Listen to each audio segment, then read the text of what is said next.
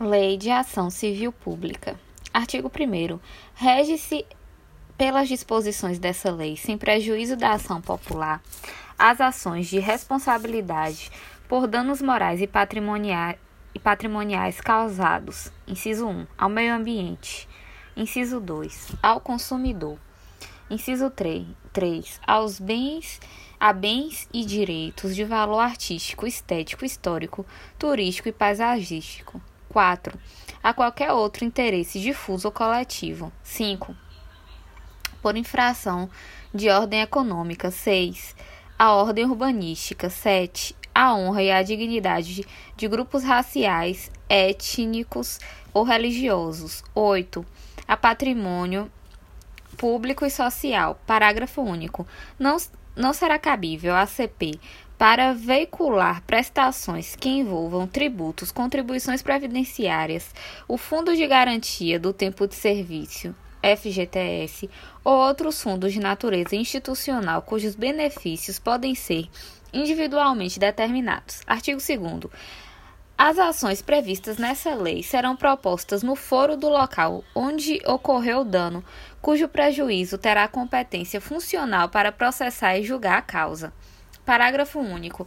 A propositura da ação prevenirá a jurisdição do juízo para todas as ações posteriormente intentadas que possuam a mesma causa de pedir ou o mesmo objeto.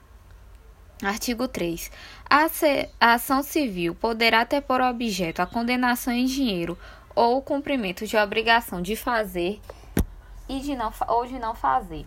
Artigo 4 poderá ser ajuizada a ação cautelar para fins dessa lei, objetivando inclusive evitar dano ao patrimônio público e social, ao meio ambiente, ao consumidor, à honra e à dignidade dos grupos raciais, étnicos ou religiosos, à ordem urbanística ou aos bens e direitos de valor artístico, estético, histórico, turístico e paisagístico. Artigo 5 tem legitimidade para propor a ação principal e a ação cautelar Inciso 1. O Ministério Público. Inciso 2. A Defensoria Pública. Inciso 3. A União, os Estados, o DF, os municípios. Inciso 4. A autarquia, empresa pública, fundação ou sociedade de economia mista. Inciso 5. A associação que, concomitantemente, letra A, esteja constituída há pelo menos um ano nos termos da lei civil. Letra B inclua entre suas finalidades institucionais a proteção ao patrimônio público e social, ao meio ambiente, ao consumidor, à ordem econômica, à livre concorrência, aos direitos de grupos raciais, étnicos ou religiosos, ou ao patrimônio artístico, estético, histórico, turístico e paisagístico. Parágrafo 1. O Ministério Público, se não intervir no processo como parte, atuará obrigatoriamente como fiscal da lei. Parágrafo 2. Fica facultado ao poder público e a outras associações legitimadas nos termos deste artigo habilitar-se como litisconsorte de qualquer das partes. Inciso 3. Em caso de desistência infundada ou abandono da ação por associação legitimada, o Ministério Público ou outro legitimado assumirá a titularidade ativa. Inciso 4 o requisito da pré-constituição poderá ser dispensada pelo juiz quando haja manifesto interesse social evidenciado pela dimensão ou característica do dano ou pela relevância ou bem jurídico a ser protegido.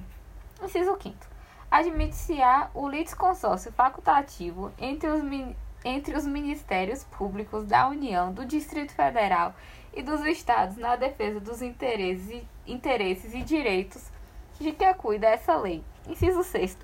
Os órgãos públicos legitimados poderão tomar dos interessados compromisso de ajustamento de sua conduta às exigências legais mediante combinações que terá eficácia de título executivo extrajudicial. Artigo 6 Qualquer pessoa poderá e o servidor público deverá provocar a iniciativa do Ministério Público, ministrando-lhe informações sobre fatos que constituam objeto da ação civil e indicando-lhe os elementos de convicção. Artigo 7 Se no exercício de suas funções os juízes e tribunais tiverem conhecimento de fatos que possam ensejar proposituras de ação civil, remeterão peças ao Ministério Público para as providências cabíveis. Artigo 8. Para instituir a inicial, o interessado poderá requerer às autoridades competentes as certidões e infrações que julgar necessárias a serem fornecidas no prazo de 15 dias. Parágrafo 1. O MP poderá instaurar sob sua presidência inquérito civil ou requisitar de qualquer organismo, público ou particular, certidões, informações, exames ou perícias no prazo que assinalar, o qual não será não poderá ser inferior a 10 dias úteis. Parágrafo 2 somente nos casos em que a lei impuser sigilo poderá ser negada certidão ou informação. Hipótese em que a ação poderá ser proposta desacompanhada daqueles documentos, cabendo ao juiz requisitá-los. Artigo 9. Se o órgão do, do MP, esgotadas todas as diligências, se convencer da inexistência de fundamento para a propositura da ação civil, promoverá o arquivamento dos autos do inquérito civil ou das peças informativas, fazendo fundamentalmente. Parágrafo 1 os autos do inquérito civil ou das peças de informação arquivadas serão remetidas sob pena de incorrer em falta grave no prazo de três dias ao Conselho Superior do Ministério Público. Artigo, parágrafo 2 até que, em sessão do Conselho Superior do MP, seja homologada ou rejeitada a promoção ou a, a promoção de arquivamento, poderão as associações legitimadas apresentar razões escritas ou documentos que serão juntadas aos, aos autos do inquérito ou anexados às peças de informação. Parágrafo 3. A promoção de arquivamento será submetida a exame e deliberação do Conselho Superior do MP, conforme dispuser o seu regimento. Parágrafo 4. Deixando o Conselho Superior de homologar a promoção de arquivamento designará, desde logo, outro órgão do Ministério Público para ajuizamento da ação. Artigo 10. Constitui crime punido com pena de reclusão de 1 a 3 anos, mais multa de 10 a mil de 10 a mil obrigações reajustáveis do Tesouro Nacional a recusa o retardamento ou a omissão de dados técnicos indispensáveis à propositura da ação civil quando requisitados pelo MP. Artigo 11. Na ação que tenha por objeto o cumprimento de obrigação de fazer ou não fazer, o juiz determinará o cumprimento da prestação da atividade devida ou a concessão da atividade nociva, sob pena de execução específica ou de cominação de multa diária se esta for suficiente ou compatível, independentemente de requerimento do autor. Artigo 12. Poderá o juiz conceder mandato, mandado liminar com ou sem justificativa prévia em decisão sujeita a agravo. Parágrafo 1. A requerimento da pessoa jurídica de direito público interessada e para evitar grave lesão à ordem, à saúde, à segurança e à economia pública, poderá o presidente do tribunal a que competir o conhecimento do respectivo recurso suspender a execução da liminar, em decisão fundamentada da qual caberá agravo para uma das duas turmas julgadoras no prazo de cinco dias a partir da publicação do ato. Parágrafo 2.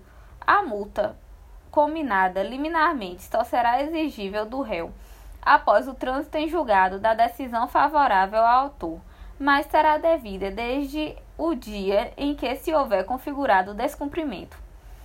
Artigo 13. Havendo condenação em dinheiro, a indenização pelo dano causado reverterá a um fundo gerido por um conselho federal ou por conselhos estaduais de que participarão necessariamente o MP e representantes da comunidade, sendo seus recursos destinados à reconstrução restituição dos bens lesados.